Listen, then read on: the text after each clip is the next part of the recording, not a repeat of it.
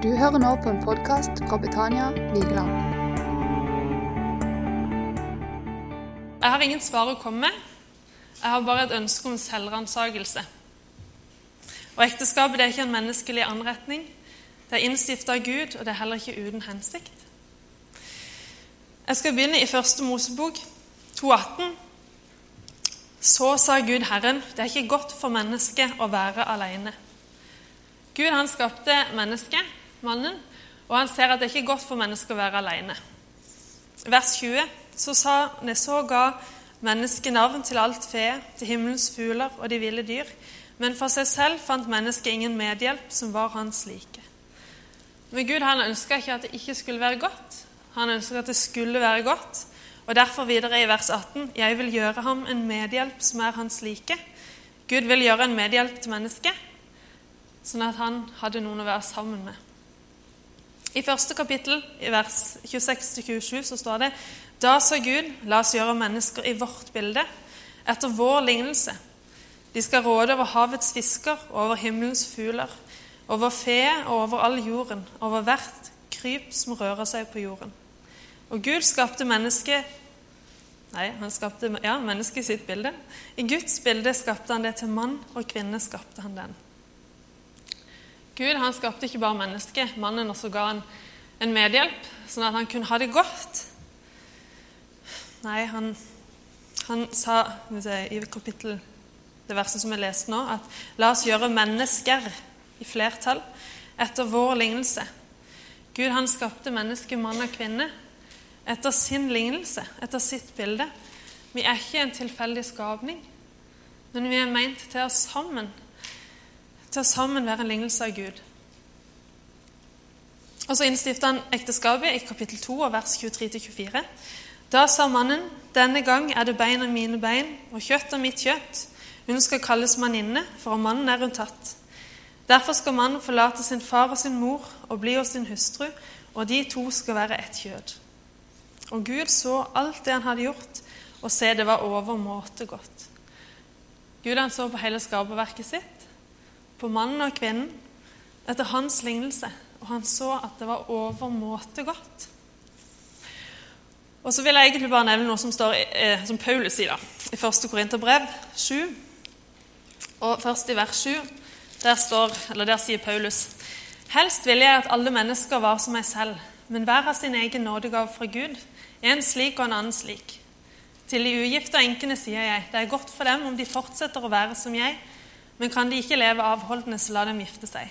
For det er bedre å gifte seg enn å brenne av lyst. Og så sier han også senere i kapittelet, i, vers 32 til 32 til um, 34 ser jeg at min har hoppa rundt litt her. Hmm. Beklager, beklager min lille avbrytelse her. Ja, her har vi det. Nei, det var det ikke heller. Beklager, nå samler jeg ikke hodet mitt i det hele tatt. Hm. Beklager. Men poenget er iallfall det at han sier det. Kan ta det oppsummert. Å ja, unnskyld. Du vet, Jeg er sånn en erfaren taler, så jeg burde jo egentlig ha kunnet dette her fullstendig ut. Men det kan jeg ikke. I alle fall, Han sier senere i kapittelet, i vers 32-34, at eh, den, den ugifte den, eh, den har eh, søker Beklager, jeg har skrevet noe av det her òg. ja, jeg vil gjerne at dere skal være fri for bekymringer. Den ugifte har omsorg for det som hører Herren til. Hvordan han kan være til behag for Herren. Men den som er gift, bekymrer seg for verdens ting. Hvordan han skal være til behag for sin hustru. Det er forskjell på hustruen og jomfruen. Den ugifte kvinne har omsorg for det som hører Herren til, så hun kan være hellig både på legeme og ånd. Men en gifte kvinne har omsorg for verdens ting, hvordan hun kan være sin mann til behag. Ja, I studiebibelen så står det en kommentar til det som står i vers 7. Det blir mye vers, men Guds ord kan man vel ikke få nok av. Men i alle fall dette var en kommentar. Det Paulus imidlertid må fastslå, er at det er intet moralsk mindreverdig ved å være, leve ugift. Og jeg synes bare Det var litt viktig å få fram det, for nå fokuserer jeg på det inngått ekteskap. Og så er det de som ikke er gift enda, eller de som av en eller annen grunn har bestemt seg for ikke å gifte seg. Og det er ikke noe mindre gudsnært med det. Det var jo som det står, den ugifte omsorg for det som hører Herren til, hvordan den kan være til behag for Gud. Det var bare en biting oppe oppi mitt ekteskapsprat. Men tilbake til ekteskapet.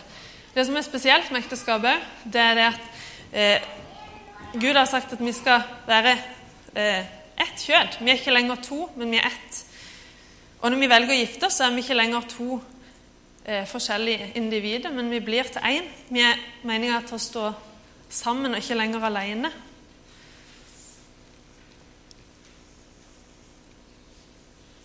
Det blir en perfekt kombinasjon eh, til å bygge en god og trygg familie på, både for barna og for voksne. Barna de trenger både mamma og pappa, og det er jo sammen at de er en lignelse av Gud. Og sammen så kan de vise hele Guds bilde i måten de lever livet sitt på. Selvfølgelig òg det de forteller, men måten man lever livet på, har veldig mye å si for barna. Og òg for ektefellene, selvfølgelig, som kan være med og løfte hverandre opp når det er vanskelig, i gode og onde dager, som vi sier. Og I verset videre så står det derfor det som Gud har sammenføyet, det skal mennesker ikke skille. Og det er en ordning som er beregnet til å vare livet ut. Og da kommer jeg til det verset som jeg hadde ikke skrevet inn på mitt ark, men som sto her i min bibel. Efeserne 5, 22-23. Dere hustruer, underordne dere under deres egne menn som under Herren. For mannen er kvinnens hode, like som også Kristus er menighetens hode. Han som er sitt legemes frelser. Men like som menigheten underordner seg under Kristus, så skal også hustruene underordne seg under sine menn i alle ting. Dere menn, elsk deres hustruer, eh, like som Kristus eh, Like som også Kristus elsket menigheten og ga seg selv for den, for å hellige den ved å rense den ved vannbad i ordet, slik at han kunne stille menigheten fram for seg i hellighet, uten flekk eller rynke eller noe slikt, men at den kunne være hellig og ulastelig. Slik skylder også mennene å elske sine hustruer som sine egne legemer. Den som elsker sin hustru, elsker seg selv. Ingen har noen gang hatet sitt eget kjød, men han nærer og varmer det, slik også Kristus gjør med menigheten. For vi er lemmer på hans legeme. Derfor skal mannen forlate sin far og sin mor og holde seg til sin hustru, og de to skal være ett kjød. Denne hemmeligheten er stor. Jeg taler her om Kristus og menigheten. Men også hver enkelt av dere skal elske sin hustru som seg selv, og hustruen skal ha ærefrykt for sin mann. Ikke bare er vi skapt til å være en lignelse av Gud, men vi er også skapt til å være et bilde på forholdet mellom Kristus og menigheten. Det er ganske stort ekteskap, holdt jeg på å si. Og vi skal elske ektefellen vår sånn som Kristus elsker menigheten. Og Derfor vil jeg lese Romerne 8, 35-39. Hvem kan skille oss fra Kristi kjærlighet? Trengsel eller angst eller forfølgelse, eller sult eller nakenhet eller fare eller sverd? Som skrevet står, for din skyld drepes vi hele dagen. Vi blir regnet som slakte for. Men i alt dette vinner vi mer enn seier ved Han som elsket oss. For jeg er viss på at verken død eller liv, verken engler eller krefter, verken det som nå er, eller det som komme skal, eller noen makt, verken høyde eller dybde eller noen annen skapning, skal kunne skille oss fra Guds kjærlighet i Kristus Jesus, vår Herre. Det er med denne kjærligheten Gud elsker oss. Det er ingenting som kan skille oss fra Guds kjærlighet. Og det er jo med den samme kjærligheten som vi kan få lov å elske vår ektefelle. Første Mosebok 1,31. Og Gud så alt det han hadde gjort, og se, det var overmåte godt. Men slangen var listigere enn alle dyr på marken som Gud hadde gjort. Det står i kapittel 3, vers 1. Vi vet jo hva som skjer. Eva hun blir lokka av slangen. Hun spiser frukten og gir til Adam, og han spiser òg. Første Mosebok 3, 11-13. Har du ett av treet jeg forbød deg å ete av? Adam sa, Kvinnen som du ga meg til å være hos meg, hun ga meg av treet, og jeg åt. Da sa Gud til kvinnen, hva er det du har gjort? Kvinnen svarte, slangen dåret meg, og jeg åt. Og Det er her vi er i dag. Slangen dåret meg, og jeg åt. Og mange ganger har den ikke blitt dåret og åte. 1. Peter 5,8.: Vær edrue, våk. Deres motstander djevelen går omkring som en brølende løve og søker noen han kan oppsluke. Johannes 10,10.: 10, Tyven kommer bare for å stjele og myrde og ødelegge. Selvfølgelig kommer djevelen for å prøve å ødelegge ekteskapene. De er jo et bilde på forholdet mellom Kristus og menigheten, og de er jo en lignelse av Gud. Og Gud han så at det var godt. Djevelen han vil ikke det som er godt. Han vil ikke at folk skal vite om den kjærligheten som Gud har til dem. Den tilgivende kjærligheten og utholdende kjærligheten. Den som tåler alt, og som bare lengter etter menneskenes hjerte. Ekteskapet skal jo vise denne kjærligheten. Og når vi viser den på vår ektefelle og på vår familie, så får de rundt oss se et lys. Det skinner gjennom. Gjennom våre liv. Og det er klart at djevelen vil prøve å stoppe det lyset der. Og jo flere ekteskap han klarer å ødelegge, jo dårligere vil det lyset skinne. Og hvis ekteskapet, da, som er et bilde på Guds kjærlighet, ikke holder, Åssen skulle da en kunne tro at Gud bryr seg om oss, vi som egentlig ikke er verdige et blikk ifra Gud? Og djevelen han vinner, og han stjeler håpet fra menneskene. Jeg husker det var en gang en mann på Expect, det er jo forferdelig mange år siden, som fortalte om eh, menneskets tre ømme punkter, hvis en kan kalle det det. Og det var eh, makt, penger og den seksuelle driften.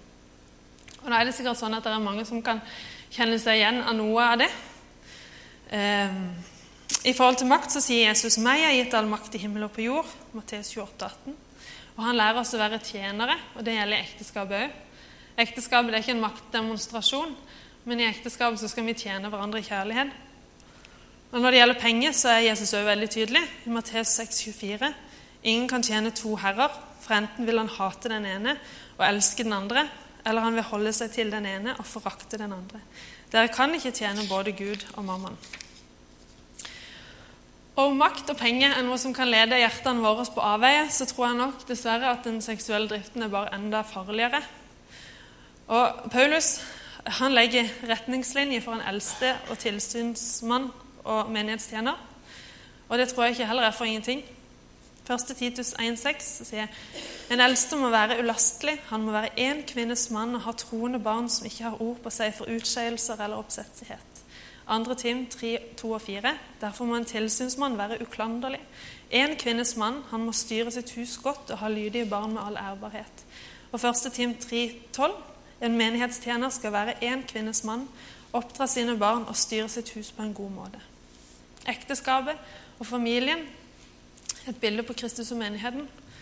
Og Hvis disse lederpersonene her eh, ikke kan styre sin familie, elske sin familie, sin, ja, sin kone, bare sin kone, hvis en kan kalle det det, og vise kjærlighet til de i praksis, hvordan skal de da kunne vise den samme kjærligheten i sin stilling i menigheten? Men det gjelder jo ikke bare arbeidere i menigheten, som, de er jo et forbilde, men det gjelder like mye alle sammen. Jeg vet ikke helt hvor mange plasser Bibelen advarer mot hor og ekteskapsbrudd. Men det er ikke få ganger. Er sikkert flere som har lagt merke til det. Jeg kom over en undersøkelse på nett. Den er jo fra USA, da. Men iallfall. Dette her var fra folk som identifiserte seg som gjenfødte kristne. Og Der svarte 95% at de hadde sett på pornografi. Og 54% svarte at de så på pornografi minst én gang i måneden. Og 31% de svarte at de hadde hatt en seksuell affære mens de fortsatt var gift. Og 50% av pastorene i undersøkelsen svarte at de òg så på pornografi. Og dette her er blant kristne folk. Ifølge den undersøkelsen her så vil halvparten her inne se på pornografi jevnlig. Og det er en avhengighet som er fryktelig vanskelig å bli kvitt. Og det er med på å stjele frimodigheten vår. Og han dreper gleden vår, og han dreper selvfølelsen vår, og han ødelegger ekteskapene våre. Hvem var det der som kom for å stjele, og myrde og ødelegge? Men her var det jo mye negativt, så jeg fant ut at jeg skulle stoppe i Kolosserbrevet og lese det. um, I ja, kapittel 2, 13 og 14. Også dere var døde ved deres overtredelser og uomskårne kjød, men Gud har gjort dere levende sammen med Kristus idet Han tilga oss alle våre overtredelser. Han utslettet skyldebrevet mot oss, som er skrevet med bud, det som gikk oss imot. Det tok han bort da han naglet det til korset. Det er viktige vers. Og så er det sånn, For de som blir truffet, så reis det igjen. Ikke sant? Det er et vanskelig tema som nok treffer fryktelig mange mer enn det en kan forestille seg. Men reis deg igjen. Lukas 17,4.: Om han synder imot deg sju ganger om dagen, og sju ganger kommer tilbake til deg og sier 'jeg angrer', så skal du tilgi ham. Jesus han tilgir hver gang fallet kommer. Når vi angrer. Og det er jo òg med den samme kjærligheten ektefellene skal møte hverandre. Så bare vær ærlig. Vær ærlig med hverandre og snakk sammen i ekteskapet. 1. Korinterne 13. Dere har ikke møtt noen fristelse som mennesket ikke kan tåle, og Gud er trofast. Han skal ikke la dere bli fristet over evne, men gjøre både fristelsen og utgangen på den, slik at dere kan tåle den. Og Romerne 8,28. For vi vet at alle ting samvirker til det gode for dem som elsker Gud, den som etter Hans råd er kalt. Og disse versene de går selvfølgelig ikke bare på pornografi, men de går på alle områdene i ekteskapet, der vi som ektefeller kan sove hverandre, og ekteskapet det blir angrepet eller angript på alle, alle områder. Det tror jeg iallfall. Eh, og djevelen han bruker de fine tingene som Gud har skapt til å være i ekteskapet, mot dens hensikt som Gud hadde tenkt. Både på det intime liv, og så husker jeg jo når vi fikk ungene våre, så var nok jeg litt sånn eh, opp og ned humørmessig. Eh, altså stakkars Stakkars Trygve da, som måtte takle dette her. Jeg takla det nok ikke helt riktig, jeg heller. Men poenget er det at ikke sant? barn som er en sånn fin ting, og så kan det skape så mye ubalanse i meg, da. altså, ja. Det er en velsignelse, men jeg tror angrepene kan komme der òg. Jeg tror vi passer på å bare være fokusert. Barna er helt nydelige, men ikke ja. Jeg vipper meg sjøl litt av pinnen, tenker jeg. Men til noe annet. Det er et ordtak som sier det at bak en vellykka mann står ei sterk kvinne. Og mamma hun sier det at eh, bak en framgangsrik svigersønn står ei sjokkert svigermor. ja, ja. Men iallfall i denne ordtaktanken der så var det en dag det slo ned i meg da, at bak ethvert nyoppussa hus står et prøve ekteskap. Var det noen som kjente den, eller? ja. Det er jo mange her i menigheten som har både bygd nytt hus og har pussa opp. Det har vi òg, og det er jo utrolig gøy. Vi kan jo få lov til å velge farger og innrede som vi vil, og alle bygger forskjellige ting som vi ikke kan noe om. Eh, og vi kan få lov til å danne oss et, et drømmehjem, ikke sant? Men jeg vet ikke om det er alle dere som har vært gjennom en sånn prosess som stemninga i ekteskap alltid har vært helt på topp på veien mot drømmehuset. Så ikke noe mer på det. Nei, men ikke sant? Han kan bruke de fine tingene der òg. Det er jo en velsignelse, ikke sant? Eh, og ja, til og med i tjeneste i menigheten så kan han være med og lure. Og Sist jeg var her, det var på julaften. Eh, og jeg hadde det kjempegøy den perioden før. Det hadde vært hektisk. Masse å gjøre og masse å tenke på. Og jeg var selvfølgelig litt sliten av og til, men jeg hadde det veldig moro. Så jeg var helt full. Jeg blir litt sånn full av sånne ting. I alle fall når alt roa seg da, og alt var over, så sa Trygve åssen han hadde hatt det de siste ukene. da. I alle fall, Jeg tenkte jeg skulle oppsummere med han sa på bibelgruppa til guttene. Ekteskapet hadde aldri vært så kaldt som det var den perioden. Hm? Det er fint. Det er veldig gøy å høre. Mhm. Jeg må si jeg ble faktisk ganske overraska, men så skjønte jeg hva problemet var. For jeg gikk jo bare sånn all in, hvis man kan kalle det, i hele dette her greia og hadde det kjempegøy. Men så så klarte jeg ikke å vise Trygve da, som min ektemann den oppmerksomheten som han trengte. Ja, Hverdagen den gled bare over til å bli et samarbeid. Det var ikke det at vi ikke hadde det greit, det var bare sant? Varmen forsvant på en måte. Eh, og Da kan jeg jo dra inn igjen det som jeg leste i stad, at alt samvirker til det gode for den som elsker Gud. For etter at vi hadde prata om dette, da, så fikk vi prate hver kveld og endte med at det ble veldig bra. Så når Trygve var på bibelgruppa, jeg syns det er litt viktig å si det, eh, så, kunne han òg si at det hadde aldri vært varmere enn det var nå. Så han kan virkelig snu ting om ikke i vanskelige situasjoner. Dette her var jo en litt sånn flåsete ting, men for oss var det jo riktig. Så kan han snu det om, og så kan det bli noe positivt. Så selv om tyven har vært der, så er ingenting umulig for Gud. Men tenk det, i menighetssammenheng. Den var ikke jeg forberedt på. Men sånn er det. Vi blir distrahert. Det gjør vi. Og det er en som ønsker å ødelegge. Men vern om ekteskapet. Snakk sammen. Og det er så viktig å kommunisere godt. Ja, Vi jenter har vel kanskje en tendens til å kunne hinte litt. Det kan være bare meg som kjenner meg igjen i den, men beklager. ja. Men i så tilfelle så kan jeg glede dere med at jeg ga opp for mange år siden. Eh, så det er mye viktigere å bare si det som det begge veier. Det som er godt, og det som ikke er godt.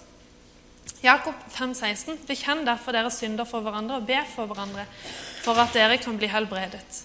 Et rettferdig menneskes bønn har stor kraft og virkning. Og Jeg ser for meg helbredelse på hjertet. Og I ekteskap så er vi jo to ufullkomne mennesker eh, som på et eller annet tidspunkt kommer til å såre hverandre.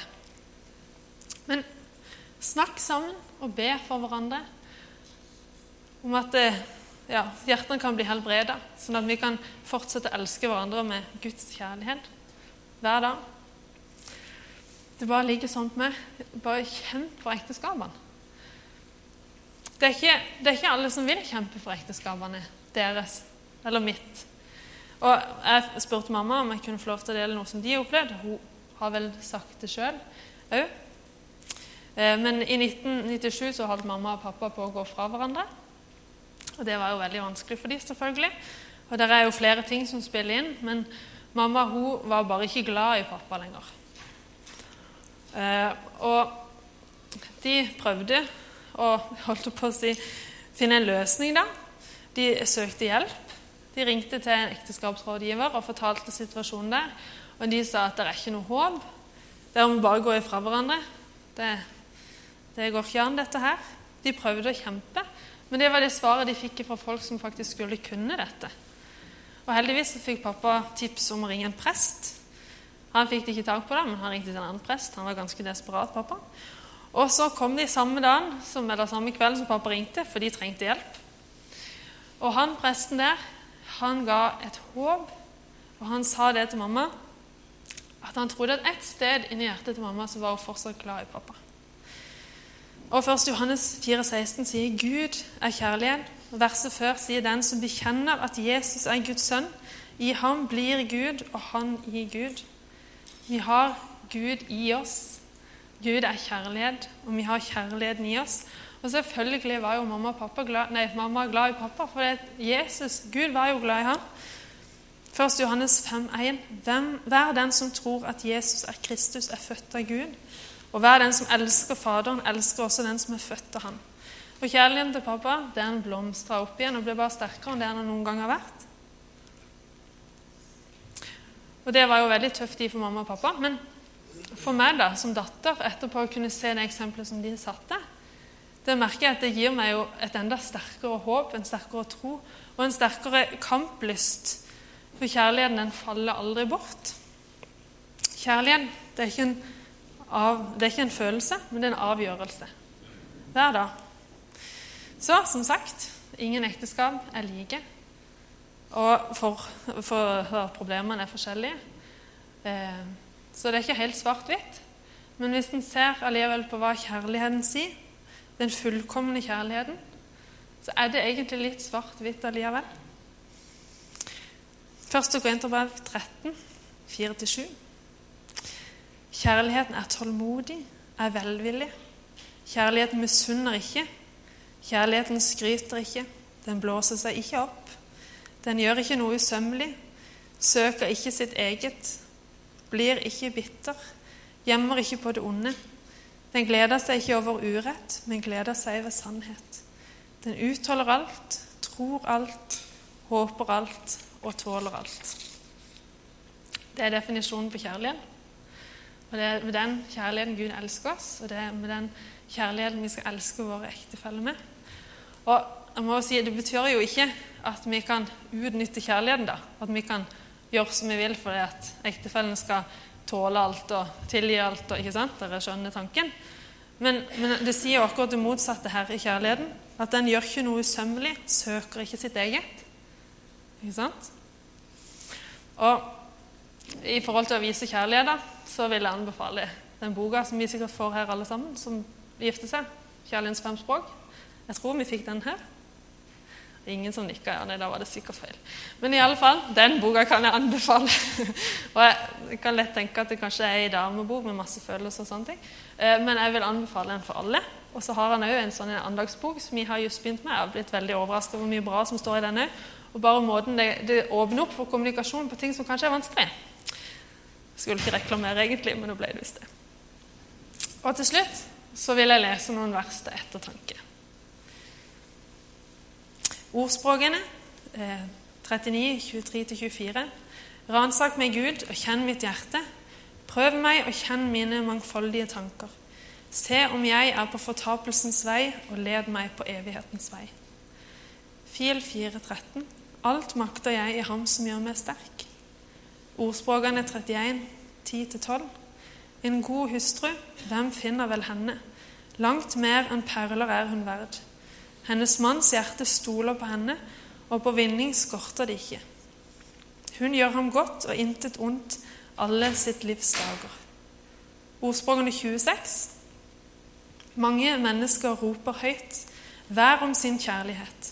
Men hvem finner vel en trofast mann? Første Korinterbrev 7.1-4. Når det gjelder det dere skrev om, så er det godt for en mann å ikke røre en kvinne. Men for hors skyld skal hver mann ha sin egen hustru, og hver kvinne sin egen mann. Mannen skal gjøre mot hustruen det han skylder henne, og det samme skal hustruen gjøre mot mannen. Hustruen rår ikke over sitt eget legeme, men mannen. På samme vis rår heller ikke mannen over sitt eget legeme, men hustruen. Hold dere ikke fra hverandre uten at dere er blitt enige om det for en tid, for å leve i bønn. Og kom så sammen igjen, for at ikke Satan skal friste dere fordi dere ikke makter å være avholdende. Ordspråkene 3-5. Sett din lit til Herren av hele ditt hjerte, og stol ikke på din forstand. Efeserbrevet 5, 1-5. Bli derfor Guds etterfølgere som hans elskede barn, og vandre i kjærlighet. Like som også Kristus elsket oss og ga seg selv for oss som en gave og et offer, en vellukt for Gud. Men hor og all slags urenhet eller pengegriskhet må ikke engang nevnes blant dere, som det sømmer seg for hellige. Og heller ikke skamløshet og dumt snakk eller lettsindig skjønt som er usømmelig. Tvert imot, La det heller bringes takkebønn. For dette vet og skjønner dere, at ingen som driver hor eller lever i urenhet, heller ikke noen som er pengegrisk, han er jo en avgudsdyrker, har arv i Kristi og Guds rike. Og så siste verset, da. Hold dere fast. Eller pust ut, alt ettersom. Eh, 1. Peter 3, 8-11. Skal vi se om vi klarer å finne det sjøl. Der har vi det. Til slutt ha alle ett sinn, vær medlidende, kjærlige mot brødrene, barmhjertige og ydmyke, så dere ikke gjengjelder ondt med ondt, eller skjellsord med skjellsord, men heller velsigner. For dere er selv kalt til å arve velsignelse. For den som vil elske livet og se gode dager, han skal holde sin tunge fra ondt og sine lepper fra svikefull tale. Han skal gå av veien for ondt og gjøre godt. Han skal søke fred og jage etter den. Ja, kjemp for ekteskapet. Kjemp for familien og kjemp for kjærligheten. For det er verdt å kjempe for.